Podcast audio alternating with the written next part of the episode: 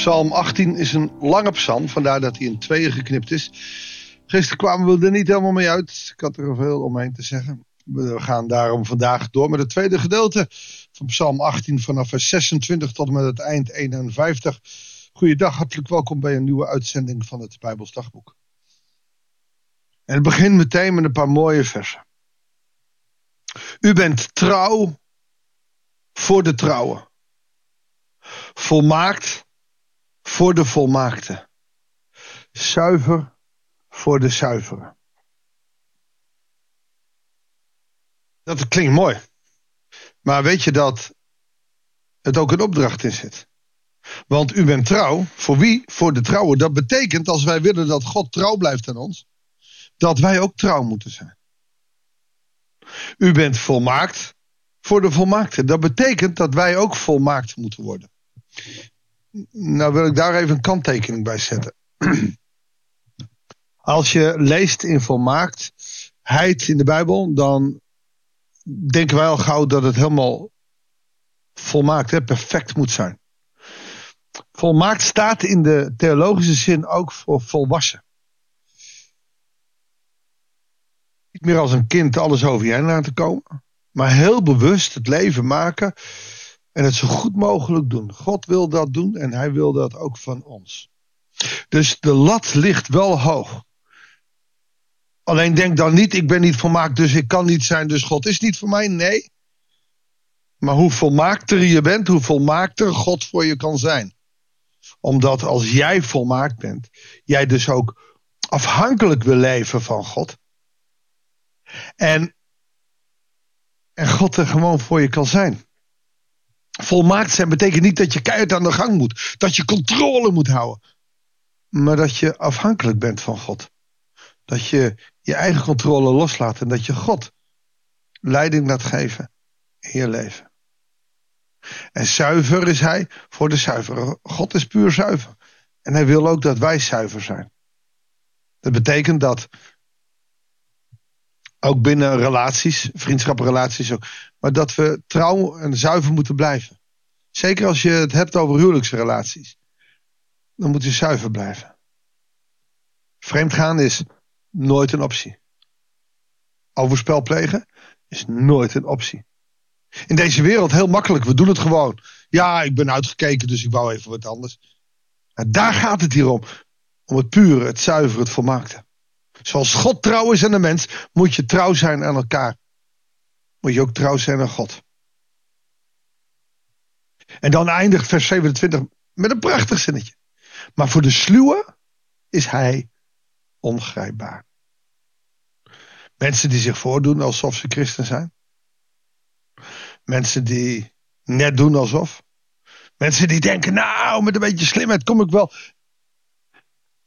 Je kunt God, hoe slim je ook bent, nooit grijpen. Je moet loslaten. Dan grijpt hij jou. Als je loslaat, kan hij aan het werk bij jou. Maar op een of andere manier in ons menselijk bestaan hier in Nederland willen we overal controle over houden. En dan heb ik het nog niet eens over mensen met controle-issues. met dwangstoornissen. Maar gewoon over jou en mij. Loslaten. Is je enige houvast. En dan gaat hij weer in de doxologie. U bent de redder van het vertrapte volk. Wie zich hoog wanen brengt u ten val. U bent het die mijn lamp doet schijnen. U, Heer, mijn God, verlicht mijn duisternis. Met u storm ik af op een legerbende. Met mijn God spring ik over de hoogste muur. Maar ja, dat is een bekende. Met mijn God spring ik over de hoogste muur.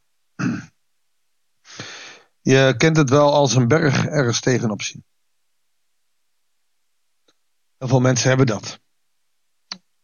In een nieuw jaar, nieuw seizoen, nieuw werk. Allemaal nieuwe uitdagingen kun je hebben in het leven. En soms kun je er als een berg tegenop zien. Als je het samen met God doet, dan hoeft niet. Want met God spring ik over de hoogste bergen. Wij mogen veel meer uitgaan van de kracht die God ons geeft, maar dan moeten we loslaten. Want als wij het vasthouden, dan kan God niks doen. Helemaal niet eerlijk, ik weet niet of de, de, de, dame luistert waarbij ik deze week op bezoek was en het hier ook met haar over had. Het grappige is dat ik, dat ik het dan meteen tegenkom in de Bijbel. Gods weg is volmaakt. Het woord van de Heer is zuiver. Een schild is hij. Voor alle die hem, bij hem schuilen. Dit is, dit is een bemoediging.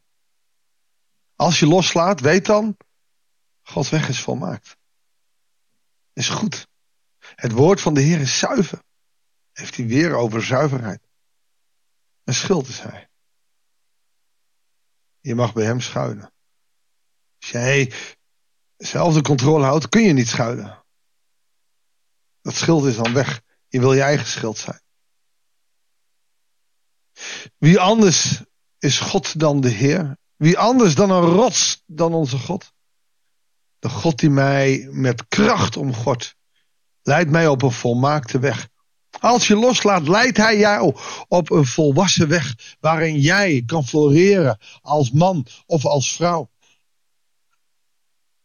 Hij geeft mij voeten snel als hinden. Doet mij de toppen van bergen staan. Oefent mijn handen voor de strijd. Mijn armen spannende bronzen boog. Het schild dat mij redde. Uw rechterhand ondersteunde mij.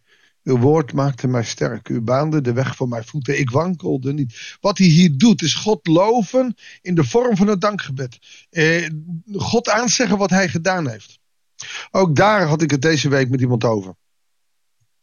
Wij kunnen de lat leggen op 100%.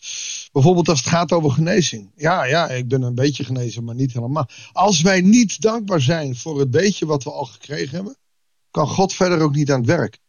Wij zitten onszelf vaak veel te veel in de weg. Maar nog erger, wij zitten God in de weg. We zullen moeten leren om blij te zijn met die kleine dingen. God dankbaar te zijn voor die kleine dingen. Want die kleine dingen zijn heus wel grote dingen. En alle kleine dingen bij elkaar is een heleboel. Ik denk als wij mensen meer zouden doen zoals de psalmdichter hier doet. Om, om God te danken, maar ook meteen te zeggen waarvoor. En dat hij, en, maakt daar maar ook metaforen voor. Want u was het schild dat mij redde. Je kan God niet zien, die is niet het schild. Nee, hij beschermt hem. En gebruikt daar zijn metaforen voor. Uw rechterhand, rechterhand staat voor de kracht die God heeft. Dat ondersteunt hem. En uw woord is de Bijbel, de Torah voor hem, maar in ieder geval de Bijbel, die sterkt hem. Ik achtervolgde mijn vijanden, haalde hen in en keerde net niet worden ik hen had vernietigd, omdat het opdracht van God was. Ik verpletterde hen, ze stonden niet meer op, dood lagen ze aan mijn voeten. God geeft je vijanden aan jou. U hebt mij omgord met kracht en voor de strijd. Mijn tegenstanders voor mij doen buigen. U liet mij de rug van mijn vijanden zien. Mijn haat is, ik roeide ze uit. Ze schreeuwden om hulp, maar er was geen redder, want zij kenden God niet. Ze riepen de Heer, maar hij antwoordde niet, want ze hadden geen relatie. Ik verpulverde hen tot stof in de wind, vaagde hen weg als vuil van de straat. Dit is niet letterlijk gebeurd, maar zo heeft hij de overwinning die hij gehaald heeft gezien. Ik ga even een stukje overslaan. De Heer leeft. Geprezen zijn mijn rots. Hoog verheven is God mijn redder. De God die mij wraak liet nemen, dwong volken op de knieën, bevrijdde mij van vijanden, verhief mij boven mijn tegenstanders, ontrukte mij aan mannen van geweld. Daarom wil ik u prijzen te midden van de volken, heer. Een loflied zingen tot eer van uw naam. Hij schenkt zijn koning grote overwinningen. Betoont zij zich trouw aan zijn gezalfde aan David en zijn nageslacht voor altijd. Wat mooi is dat als je dat aan het eind van een gebed kan zeggen. U troont uw trouw aan ons. Kinderen van de Allerhoogste. Zo zijn we bidden. Heere God, wat heerlijk om te lofprijzen. Om uw naam groot te maken. Om dat wat u doet. Wat heerlijk voor onszelf ook om te ontdekken wat u met ons leven doet. Heere God, leer ons zo te kijken, te ontdekken wat u ook in ons leven werkelijk waar doet. Geef ons inzicht in wat van u komt en wat van onszelf is. Konden we nog eens verbaasd staan wat u allemaal in ons leven doet. Heer, zegen ons zo. Behoed en bewaar ons. Deze dag en de dagen die komen gaan. Dat wij in alles wat we doen, ter ere en glorie van uw grote naam mogen leven. Dat bidden wij en danken wij u. In Jezus' naam. Amen. Dankjewel voor het luisteren. Ik wens je God zegen. En heel graag tot de volgende uitzending van het Bijbels Dagboek.